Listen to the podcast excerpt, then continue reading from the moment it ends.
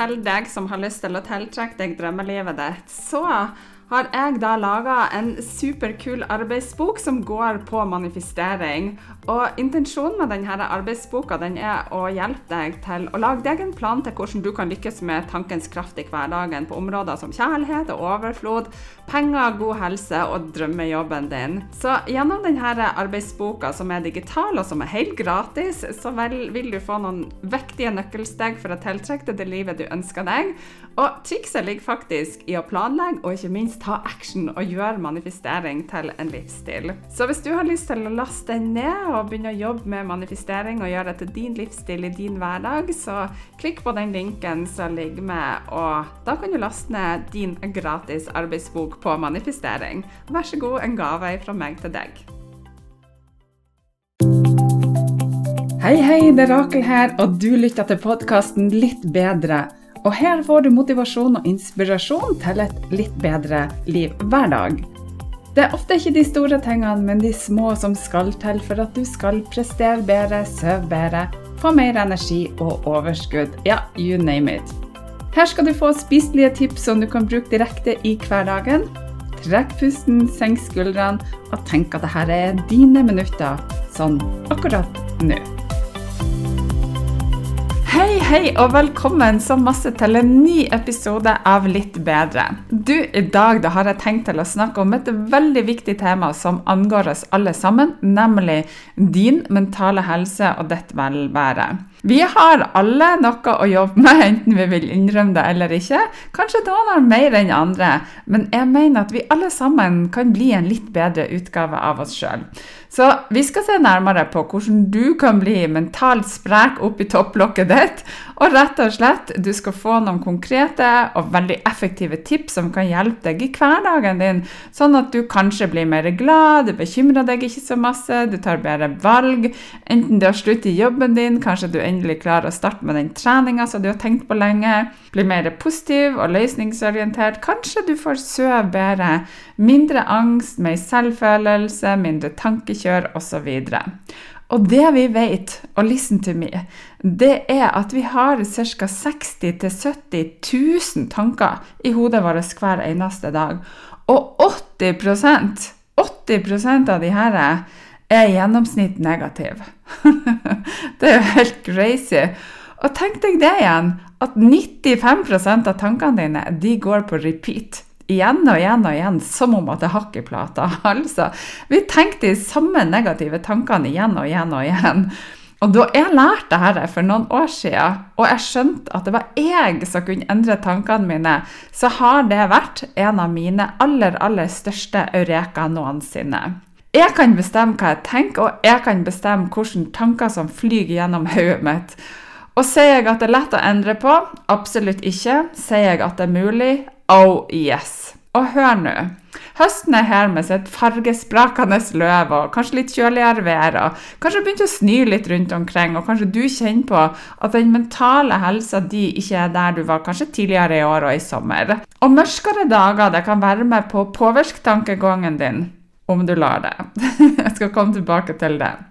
For at vi er alle sammen på en eller annen måte en slags følelsesmessig berg-og-dal-bane i dette livet her. Og noen ganger så føler vi at vi svever på toppen av verden som om at vi kan erobre alt. Men andre ganger og andre dager. Du vet de dagene da alt føles som at alt går til helsike. Og det er som å dette ned i ei bøtte med iskaldt vann. Åh, jeg grøsser med tankene og innser at det ikke er en eneste isbøtte holde seg fast i. Og ja, vi har alle vært der. Og det, kjære deg, er helt, helt i orden. Men noe av det viktigste vi kan gjøre for vår mentale helse, det er å forstå at vi ikke alltid kan være på topp. For livet er som en berg-og-dal-bane, og noen ganger så er det de bratte bakkene som gir oss den mest verdifulle læringa og erfaringa. Selv om det ikke er like artig alltid. Men ikke vær redd for å omfavne følelsene dine, for følelsene dine, selv om de kan være både rare og rotete, så er de ikke farlige. Og om du føler deg som en raring eller en grinebiter eller en jubelidiot, sånn som meg innimellom, liksom 'Å, livet er så positivt og bra', så er det helt i orden. Bare la følelsene dine flyte, og husk at det er en del av å være menneske. Vi er som en følelsesmessig salatbar med alle slags følelser og tilstander tilgjengelig, og det er helt i orden å velge akkurat det du føler på akkurat nå. Så i dagens hektiske verden så er den mentale helsa en av de mest verdifulle ressursene du har. Og det er som bensin for sinnet ditt og for sjela di. Og aldri før har det vært så viktig å være oppmerksom på vår egen mentale helse, og ikke minst å gå inn og styrke og styre den, for det kan du gjøre. Og vi lever i en tid hvor det er mer press og stress og flere distraksjoner enn det har vært tidligere. Og det er konstant tilkobling av de her digitale enhetene, kravene fra jobb og samfunn. Og en stadig, stadig økende forventning som kan tære på helsa vår og tankene våre. Og vi kan kanskje føle oss fanga i en sånn slags konstant strøm av informasjon, og ikke minst forpliktelser, som igjen kan føre til bekymringer.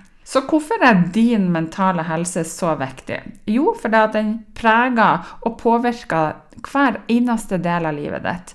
Den påvirker hvordan du takler ulike hendelser, hvordan du bygger relasjoner, hvordan du tar beslutninger, og hvordan du føler deg og hvordan du har det i hjertet ditt. Og god helse, god mental helse, den kan gi deg styrke, og den kan gi deg indre ro, glede, takknemlighet og masse kjærlighet. Samtidig er det ganske viktig å erkjenne at det ikke finnes noe sånn normal tilstand av mental helse. For det at vi er alle sammen forskjellige. Selv om vi har like tendenser, så er vi forskjellige. Og vi vil alle ha våre egne kamper og utfordringer. Men å være åpen for at vår egen mentale helse er der, så kan du på en måte søke støtte når du trenger det, og det er en styrke og absolutt ikke en svakhet. Da jeg var yngre, så brukte jeg masse tid på å tenke over det som kanskje kom til å skje. Og spesielt i livet mitt da jeg kanskje var i tenårene, da var det nå kanskje ekstremt. Og jeg husker en gang eh, hvor jeg ble forlatt av kjæresten min, og verden min bare rast i hopen. Jeg var 16 år, og min aller første langvarige kjæreste gjorde, med, gjorde slutt med meg. Og hva var det som skjedde? Jo, hele min verden rast i hopen, og jeg ante ikke hvordan jeg skulle leve videre. Jeg husker så godt den følelsen jeg fikk inni meg, og det verka, og det gjorde vondt. Jeg følte meg alene, jeg følte meg svikta, og tårene mine bare rant og rant. Og jeg er jo oppvokst i Stamsund i Lofoten. Jeg husker så godt jeg bare gikk liksom, for det er så lang gata fram og tilbake. Jeg bare gikk og bare hulka huet og syntes så synd i meg sjøl. Jeg husker at jeg møtte på bl.a. en kompis jeg hadde som sa Hva er det som har skjedd? Å, det er blitt slutt! og det var så dramatisk, for jeg hadde ingen teknikker på hvordan jeg skulle gjøre det, eller hvordan jeg skulle komme meg igjennom det. Og selv om det er superviktig å la følelsene bare få komme ut av kroppen din, så er det også viktig å vite at det er du som er sjefen over dine tanker og dine følelser. Og ja, følelsene dine kan flyte, men det er kun du som kan bryte dem ned og finne årsaken. Og jeg har lyst til å utfordre deg til å finne ditt indre hvorfor i hjertet ditt. Hvorfor er det at du blir inspirert til å gjøre det som du gjør i livet ditt. Du må vite hva er det som driver deg. Og dersom du da kanskje mister motivasjonen din underveis, så kan det være veldig lønnsomt å hente tilbake ditt hvorfor. Hva er det som driver deg? Hvorfor skal du komme deg framover? Så det ene du er nødt for å gjøre, det er at du må vite hvorfor gjør du ting. Hva vil det gjøre for deg? Hva skal du gjøre for å komme deg dit? Og hva er det det vil gi deg i livet ditt? Jeg kan ta et kort eksempel i forhold til meg og businessen min. Jeg har to store hvorfor. Det ene er jo mamma, og det andre er dattera mi. Og det som er det da, at ja, Før jeg starta businessen min i 2010, så plagdes jeg veldig mye med kroppen min og mine fysiske utfordringer og har flere operasjoner i ryggen. Og jeg lå på badegulvet, og jeg kjente bare virkelig at sånn vil jeg ikke ha det. Så da når jeg begynte å snu det her, når jeg havna på sykehuset i 2010 med det jeg trodde var et hjerteinfarkt, så kjente jeg veldig mye på denne følelsen at dette er ikke sånn som jeg ønsker å leve livet mitt i det hele tatt. Hvor jeg var mye bekymra, jeg våkna mye om natta, og jeg fikk ikke sove, og det verka i kroppen min. Og så gikk det opp sånn stort og reka for meg at jeg kunne jo jobbe med det som var hobbyen min. Jeg kunne begynne å hjelpe andre folk, men for å gjøre det så måtte jeg hjelpe meg sjøl. Og nå har jeg jo drevet businessen min i 13 år. Og når det da kommer ulike typer utfordringer til meg, som at tekniske ting hvor jeg tenker at farsken og det der eh, får jeg ikke til, eller at jeg får noen andre vanskeligheter, så går jeg tilbake til mitt hvorfor. For en av de tingene som jeg har bestemt meg for å gjøre, det er det at jeg har bestemt meg for at jeg ikke skal ha dårlige dager. Jo, jeg kan ha et dårlig øyeblikk, men jeg skal ha ikke dårlige dager. Og En av de teknikkene jeg skal lære deg litt senere, en av de tingene som har hjulpet meg veldig, og som jeg har utvikla sjøl for å komme dit som jeg er i dag. Og en annen et annet hvorfor. Så da når jeg får det vanskelig, så tenker jeg tilbake til hvorfor jeg gjør det som jeg gjør. Jo, det er for å være min beste versjon, til å være sjef i mitt liv og til å leve mitt drømmeliv. Så da når jeg setter det i perspektiv og tenker tilbake når jeg lå på badegulvet og ikke kom meg opp der, og der jeg er nå, så tenker jeg at dit vil jeg ikke dra tilbake. Og det gir meg en motivasjon for å gjøre de tingene som jeg gjør nå, og ikke minst jobbe med meg sjøl mentalt hver eneste dag. Mitt andre store hvorfor det er jo mamma. Og mamma hun døde jo for to år siden. Hun var så uheldig når hun var 57 år. Eh, det var og, hun og pappa de holdt på å trene til Birken. Og så skulle hun ta seg en treningstur alene over et Eh, ja, jeg vet ikke om jeg vil kalle det et, fjell eller et berg i, i Lofoten som heter Einangen. Og så sykla hun over der, og antageligvis på vei ned så krasja hun da med noen sauer som gjorde at uh, hun fikk et utrolig stygt fall. Um, og det gjorde at hun uh, var borte vekk noen dager, og så slo på seg Alzheimers. Um, og hun var jo bare 57 år når det skjedde, og i fjor så Nei, for to år siden så døde hun, i år ville hun ha blitt 70 år. Og hun hadde så mange drømmer, hun hadde så mange mål med livet sitt, og ting som hun og pappa skulle gjøre i lag, osv. Så, videre. så når jeg tenker at ting blir vanskelig i mitt liv, så tenker jeg at Og jeg kjenner jeg blir litt, jeg blir litt rørt når jeg snakker om de tingene her, for det betyr mye for meg. Uh, så da når ting blir vanskelig for meg så tenker jeg tilbake på henne, og at hun ikke får gjøre de tingene som hun skal. Og det gir meg en motivasjon til å ta vare på meg sjøl, til å leve det livet som er meant to be for min del. Uff, nå ble det mer følelsesmessig enn jeg skulle bli. Men derfor er det så viktig å finne ditt indre hvorfor. Det er så viktig å finne ut hvorfor du gjør de tingene som du skal gjøre.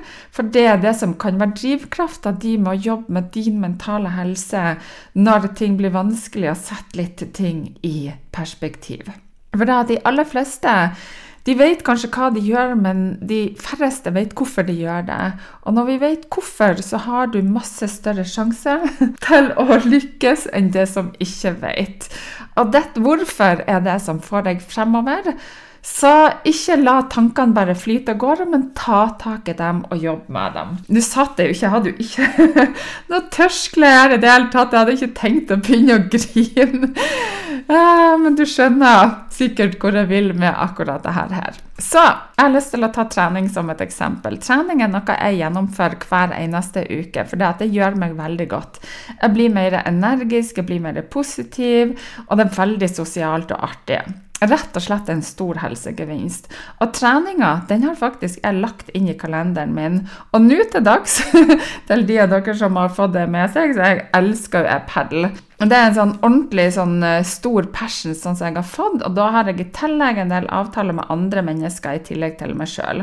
Og dersom jeg da ikke har lagt treninga inn i kalenderen min, eller vet hva det vil ha å si for meg og min kropp, og det at jeg ikke vil tilbake til å ligge på det her badegulvet, så er det med stor sannsynlighet at det ikke hadde blitt noe ut av. Så enten du skal trene, eller du skal Uh, uh, mestre press, eller du skal jobbe med ditt eget selvbilde, så er det viktig å vite ditt hvorfor, og det er en kjempegod start. Så sett gjerne av noen minutter til å tenke over dette her, og skriv gjerne ned noen tanker som du har på et papir, og hva er det dette vil gi deg. For det at det ligger i vår natur å se på det vi mangler i livet, i stedet for å se på det vi faktisk har. Og takknemlighet er vårt takknemlige verktøy, for å si det sånn, på å få det livet som vi ønsker oss. Vi må trene på å skifte fokus fra det negative til det positive. Og takknemlighet gjør at du har fokus på det positive som du allerede har i livet. Og hvis du har takknemlighet, det er faktisk bevist at det kan styrke immunforsvaret ditt, og det kan gjøre deg mer lykkelig og optimistisk. Og i tillegg så er det bevist at du kan oppleve og føle deg mindre alene og mindre isolert. Og takknemlighet er noe jeg bruker hver eneste dag. Og jeg takker selvfølgelig for kroppen min på at jeg nå er blitt 50 år. Jeg har det så bra, og kroppen min er bedre rusta nå til å, å takle livet enn jeg var da jeg var 20 år. Og alt er på bakgrunn av den jobben jeg har gjort sjøl. Det er min livsforsikring. Tenk deg det, da. At du går rundt og så forsikrer du huset ditt, og du går og forsikrer hjemmet ditt og bilen din. Men du forsikrer jo ikke deg sjøl og tankene dine. Jeg skal love deg en ting. At det kommer til å skje ting i livet ditt som er uforutsett. Enten at du mister jobben din, eller at noen dør rundt deg, eller at det skjer noe med økonomien din. Det vil skje et eller annet som vil være krevende. Men hvis du er rusta til å ta vare på deg sjøl og tankene dine, og du har trena den mentale muskelen din, så er det jo Du kan jo takle omtrent alt, uansett hva det skal være, mye, mye bedre enn om at du ikke er god på å jobbe med tankene dine. Så tenk over hva er det du er takknemlig for og begynne å takke for det. Si takk for alt rundt deg. Og gå gjerne i dybden på hvorfor du er takknemlig. Si takk for huset ditt, og vær takknemlig for at du har tak over hodet. Og jeg er takknemlig for at jeg har peis og holder meg varm. Og jeg elsker varme dusjer. Jeg står og takker i dusjen når jeg dusjer på morgenen. Jeg er takknemlig for at jeg har en plass å sove, for at jeg har et hjerte som banker, for at blodet strømmer gjennom blodårene mine, for det at jeg har tilgang på å spise god mat, for at jeg har gode smaks sanser. Vi har så masse å være takknemlig for. Men kan det være at uh, man kanskje kan man være 100% fornøyd på tross av omstendighetene rundt deg? Det er et spørsmål som jeg får veldig ofte fra kundene. For da, I hverdagslivet så skjer det jo masse hele tida. Én ting er sikkert, du kan ikke bestemme hva som skjer rundt deg. Hør på meg, jeg skal si det her en gang til. Du kan ikke bestemme hva som skjer rundt deg, men du kan bestemme hva du skal tenke om det som skjer. Du kan ikke bestemme det som skjer rundt deg, men du kan bestemme hva du skal tenke om det som skjer. Og det er ditt valg, og det er det du som bestemmer den tankerekka som oppstår i hodet ditt. For ingen kan bestemme hva du skal føle, tenke eller si. Det er du som har 100% ansvarlighet hele tida. Ja, du kan la deg påvirke negativt, og du kan la deg påvirke positivt. Og teoretisk sett så er det mulig å være fornøyd uansett hvilke ytre faktorer vi har. For det at dine, Og nå snakker jeg ikke nå snakker jeg om hverdagslivet, nå snakker jeg ikke om krigen i Ukraina eller det som skjer i Gaza, det legger vi til side. Jeg snakker i hverdagslivet her vi bor nå. For det at din følelsesmessige tilstand det er et bilde på hvordan du tolker de hendelsene snarere enn det som faktisk har skjedd med deg i livet ditt. Så la oss si at en nabo kommer til deg og ringer på døra, og så har han pakke til deg som det står ditt navn på, og så sier han 'vær så god, denne pakken er til deg'. Og dersom du ikke har lyst til å ta imot denne pakken, hvem sin pakke er det da? Er det din pakke, eller er det naboen sin pakke? Tenk over det litt. Det jeg vil fram til, det er det at dersom noen sier noe negativt til deg, sånn som at 'å, du er alltid så sur', da er det opp til deg å avgjøre om denne personen har rett eller ikke, eller om det er hans mening. Og sier han det fordi han vil såre deg, eller fordi det er hans persepsjon, oppfatning eller mening, eller sier han det fra hjertet ditt? Og dette er billedlig en pakke som blir forsøkt levert til deg, og du kan si 'nei takk, det der er ikke min', og så sender du det tilbake til vedkommende. For du kan velge om du skal bli såra over det som blir sagt, eller du kan velge og du kan velge at dette ikke er deg. Så la oss si at du f.eks. har invitert venner på en sosial setting, og så er det noen som ikke kan komme. Og det skjer kanskje gjentatte ganger. Det kan være god grunn til det, men kanskje du tenker at Og farsken har ikke hun lyst til å komme til meg, noe galt liker hun meg ikke. Igjen, du kan velge hvilke tanker du får. F.eks. så kan du tenke istedenfor at det er helt greit, vi skal ha det artig uansett, eller det er hun som går glipp av noe, noe som er bra, eller at du ikke har fokus på denne personen i det hele tatt, men heller på der du er, og det du gjør med ditt liv. Du har hele tida valget på hva du skal tenke. Og jeg har denne Skolehjerteakademiet. Og dette er det ei skole hvor jeg utdanner folk til å bli coacher og terapeuter. Og en av de her øvelsene jeg bruker å ta på dem når de starter, det er følgende. Jeg setter dem i hopen to og to i gruppe, og da er det sånn at den ene den holder f.eks. opp høyrehånda si. Og så lukker de igjen øynene, og så skal de tenke på noe de virkelig misliker, noe de hater. Og deretter så skal den andre personen de holder den rett ut. Og der er det, du tok jeg faktisk rett ut, akkurat som om at du kunne se meg. Du tar og holder hånda rett ut. Og deretter så skal den andre personen prøve å presse denne hånda ned så hardt de kan. Og det som skjer, det er at motstandskrafta ofte er veldig eh, lav, og at hånda klarer å bli, bli pressa ganske lett ned. Og så får jeg dem til å gjøre akkurat den samme øvelsen på nytt, men da skal vedkommende tenke på en person de virkelig elsker, og som de har stor kjærlighet for. Og for I mitt tilfelle bare jeg tenker på Elisabeth, dattera mi, så bare kjenner jeg en kjempestyrke i kroppen min. Og så skal den samme hånda forsøke å bli pressa ned. Og det som skjer nå, det er det at nå blir det vanskelig å presse hånda ned pga. det er så mye større kraft inni denne personen som tenker på kjærlighet.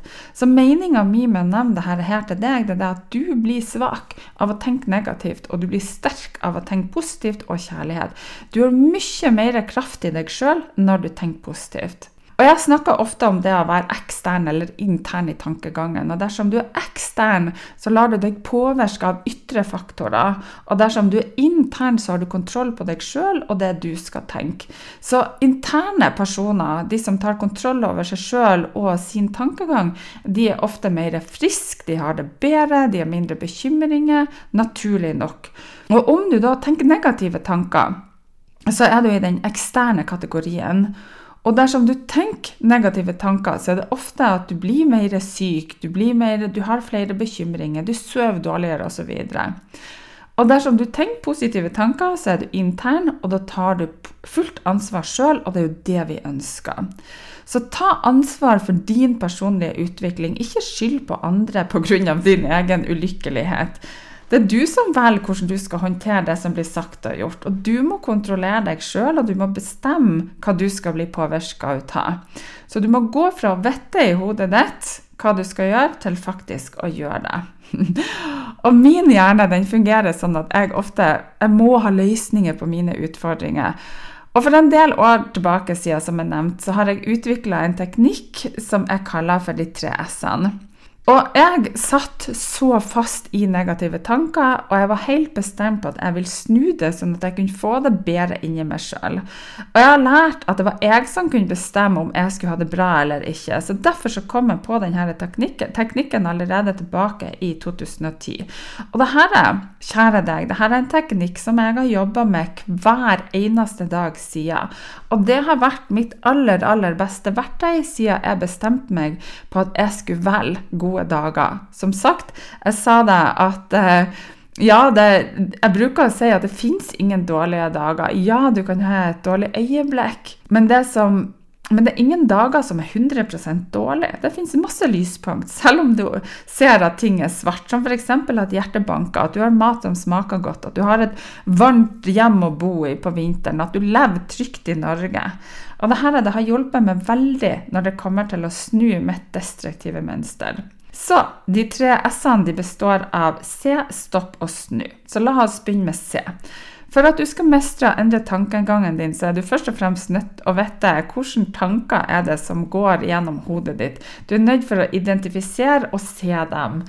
Så gjennom en vanlig dag så møter du på masse hendelser som kanskje kan skape negative tanker hos deg. F.eks. at du havner bak en hattkald fyr i trafikken som kjører helt sinnssykt tregt, og du har det så travelt. De fleste kan, Du kan sikkert nikke der du sitter eller står akkurat nå. hvor du kjenner at søren, jeg har det så travelt, hva gjør denne fyren som har all verdens uh, beste tid? Nå stigmatiserer jeg litt, men det er bare for å få fram poenget. Eller at du er irritert over lange køer i rushtrafikken midt gjennom byen, og så kjenner du deg at det bare blir negative tanker, eller at du dømmer andre mennesker, eller at du dømmer deg sjøl, eller at du står i speilet og tenker at søren, eh, nå disser rumpa mi litt mer enn den burde, nå har jeg begynt å få litt flere rynker osv. Det er eksterne tanker. Det er tanker som er negative for deg, det er ikke interne tanker. Og de tankene her de er med på å gjøre at du får det vondt i kroppen din, eller at du kanskje ikke klarer å være så positiv som du ønsker å være. Ja, det her er tanker som du er nødt for å begynne med å identifisere, for hvordan kan du endre tankene dine hvis du ikke vet hvilke tanker som flyr gjennom ørene dine? Så jeg vil anbefale deg å sette av tid, og gjerne en ukes tid, på å se hvilke tanker som flyr gjennom hodet ditt. Og husk at du ikke har noen bakgrunn for å vite at denne personen kjører tregt i, i, trafikken. Det kan være at de er redde, eller kanskje de vanligvis ikke kjører så mye bil osv. Én ting er ganske sikkert, er at når du da blir irritert i denne bilen her, den eneste som blir påvirka ut av det, det er jo du. De, de andre i trafikken, med mindre du fløyter, da, de legger jo ikke merke til dine tanker i det hele tatt. Det andre punktet i uh, de tre s-ene, det første var C, og det neste er stopp. Når du har danna deg en oversikt over tankene dine og hva de inneholder, så kan du øve deg på å stoppe tankene dine. Og det jeg bruker å gjøre, og du ser meg jo ikke nå, for nå setter jeg ut hånda mi fysisk, nesten som at jeg sier stopp, og det hjelper veldig. Og da kan du gå inn når tanker kommer til deg som du ikke har lyst til å tenke, så kan du tenke at hit, men ikke lenger. Hvor du nesten stopper dem før de kommer inn og tar plass i kroppen din. Og det er veldig veldig virkningsfullt, og her kan du også gjerne trene deg noen dager eller helst en uke på å lære deg å stoppe de negative tankene dine. Og du kan ta en quick fix, men det er utrolig viktig at du lærer deg steg nummer én og to først, før du går over til det siste steget. Og da har vi kommet til den magiske delen, og det er jo å snu. Da skal du finne ut hvilke tanker du ønsker i stedet for de negative tankene. Hvordan kan du kose deg i bilen din mens du kjører bak byens tregeste hattkald fyr? Du kan kanskje tenke på noe som gir deg glede, du kan sette på favorittlåtene dine, eller du kan sette på podkasten som heter Litt bedre, og kose deg med den, eller du kan være til stede i nuet. Du kan ta innover deg den fine naturen eller bygningene rundt deg. Og selve hendelsene er jo utafor din rekkevidde. Det eneste du kan endre på, det er jo ditt tankemonster og måten du reagerer på. Det er du som får de negative tankene og irritable følelsene inni deg, ikke personen i bilen foran deg. Og her kommer en veldig viktig setning, og merk deg dette her. Ingenting kan gjøre deg sint eller irritert. Det er du som lar dem. Om noen sier at du er sur, så er det jo bare ord. Det er du som legger mening i ordene. Husk at det er du som kan bestemme hvilke tanker du har i hodet ditt. Det er du som kan bestemme om tankene dine skal være gode, eller om at det skal være destruktive tanker. Og der kommer det en negativ tanke. Da skal jeg se, jeg identifiserer at det er en negativ tanke. Så skal jeg stoppe den, og så skal jeg snu den. Ferdig. Det funker ikke sånn, dessverre. For denne teknikken er ingen quick fix. Du må jobbe med den. De negative tankene de er jo et mønster som du har danna deg over mange år, så her må du lære deg å være litt tålmodig. Og selvfølgelig, jeg sier du må, du må jo ingenting, men det er mitt forslag, og det kan være en god fordel for deg å være tålmodig. Og C-delen er tek av teknikken er nok den som tar lengst tid, hvor du er nødt for å se eller å identifisere tankene dine. Og det tar tid å se hvilke tanker man faktisk har i hodet sitt. Har du noen gang tenkt over hvordan du bruker negative ord? Og Det er et ordtak som sier at det hodet er fullt av, det renner munnen over med. Ta f.eks. ordet 'ikke'. Ordet 'ikke' er jo et negativt ladda ord. Og legg fokus på det du ikke ønsker, eller det du ikke klarer å gjøre. I dag har jeg ikke lyst til å gå en tur fordi at jeg er sliten, og det er faktisk en dobbel negativ setning eller en dobbel negativ manifestering. Prøv heller å si at i dag har jeg lyst til å bli hjemme med ei god bok fordi at jeg liker å lese. Da fremhever du de positive tingene i stedet for det negative som du ikke ønsker å gjøre. Eller hvor du eh, kanskje sier at 'Å, jeg er så sulten at jeg kommer til å dø'. Og det er jo en ganske sånn uskyldig setning, tenker du kanskje. Men denne er kjempekritisk, for de negative tankene ligger latent i kroppen din. Og det er din oppgave å trekke frem de positive tankene istedenfor. Ta f.eks. Ukraina, de nyhetene om død og elendighet som du får inn hver eneste dag. Altså, uansett om du vil eller ikke, så oppfatter kroppen din ordet 'dø' som noe negativt. Så hvis du sier at 'jeg er så sulten at jeg kommer til å dø', så er det negativt for kroppen din uansett om du vil eller ikke. Det du kan si istedenfor 'jeg er sulten og jeg gleder meg så utrolig uh, Jeg gleder meg til, uh, utrolig godt til å ta meg et godt måltid'. Ser du forskjellen? Det er himmel og hav i forskjell. Så om du våkner en morgen og tenker at å, det her blir nok en dårlig dag, ja, da blir det en dårlig dag. Og denne følelsen den kommer til å vokse i deg og følge deg resten av dagen. Og spør du meg, så frister det mye mer med en positiv og opplevelsesrik dag. Og jeg visualiserer alltid Et par minutter ligger jeg i senga mi før jeg står opp, av, uh, jeg står opp uh, og begynner dagen min, så visualiserer jeg at dagen min skal være bra før jeg står opp. Det som skjer da, det er at da får jeg alltid en super dag, for jeg har allerede sett for meg og bestemt meg at den skal være god. Så hvis du sliter masse med vond kropp, kronisk sykdom eller lignende, så skal jeg fortelle deg at jeg har også vært igjennom det. Jeg hadde tidligere en veldig vond rygg som plaga meg masse. Jeg hadde vondt i beina, nakke, skuldre. Jeg har flere operasjoner. Og da jobber jeg masse med manifestering og positive tanker. Og legger vekt på det som fungerer i kroppen, kontra det som ikke fungerer. Og jeg snakker til kroppen min, jeg roser kroppen min. Og dag, i dag så har jeg altså ikke vondt en eneste plass, og det er helt utrolig. Jeg må nesten klype meg i armen. Og I dagens hektiske verden så er det enkelt å føle deg overveldet av stress og ytre påvirkninger, og det er lett å miste seg sjøl i denne konstante strømmen av informasjon og forventninger og krav. Men husk at din mentale helse det er din styrke, og det er din superkraft. Det er ditt indre kompass på hva som kan veilede deg gjennom alle utfordringene som skjer i livet, for de kommer. Og vi lever i en tid hvor det kan virke som om at vi alltid må vise våre beste sider. Men det som er viktig å huske på det, det er at det er helt menneskelig å ha stunder hvor du føler at du kanskje er i fritt fall. Og de her dagene er like verdifulle hvor de som svever på toppen av verden. For de dagene eller de stundene som er krevende, det er jo det som gir deg muligheten til å vokse og til å lære. Så hvordan kan du forberede deg på det som kommer? Jo, det handler om at du skal ta kontroll over ditt eget tankemønster. Hvor du fokuserer på takknemlighet for det positive i livet ditt, og husk at du har makten til å forme din virkelighet. Du er sjåføren i din egen bil. Og du sitter ikke på bare som passasjer, det er du som tar styringa, det er din reise. Det er ikke en quick fix. Og med tålmodighet og innsats så kan du skape ditt eget mentalt sunnere og mer balanserte liv. Ok, ok, da er det faktisk på tide å runde, og jeg håper at du sitter igjen med noe veldig positivt etter dagens episode, og ikke minst de tre s-ene. Det er du som bestemmer hva du skal tenke til enhver tid, og med litt eh, tillit, eh, tid og tålmodighet, så kommer du deg dit. Jeg håper du lærte noe som var nyttig for akkurat deg, og jeg blir superglad om du deler episoden med en god venn eller en nabo. Og takk for at du lytta til denne episoden av Litt bedre. Husk at din mentale helse er viktig, og du er ikke alene i denne verden her. Jeg og du, vi er gode virtuelle venner. Og med det sagt så ønsker jeg deg en god klem, masse gode energier fra meg til deg, og så høres vi plutselig igjen.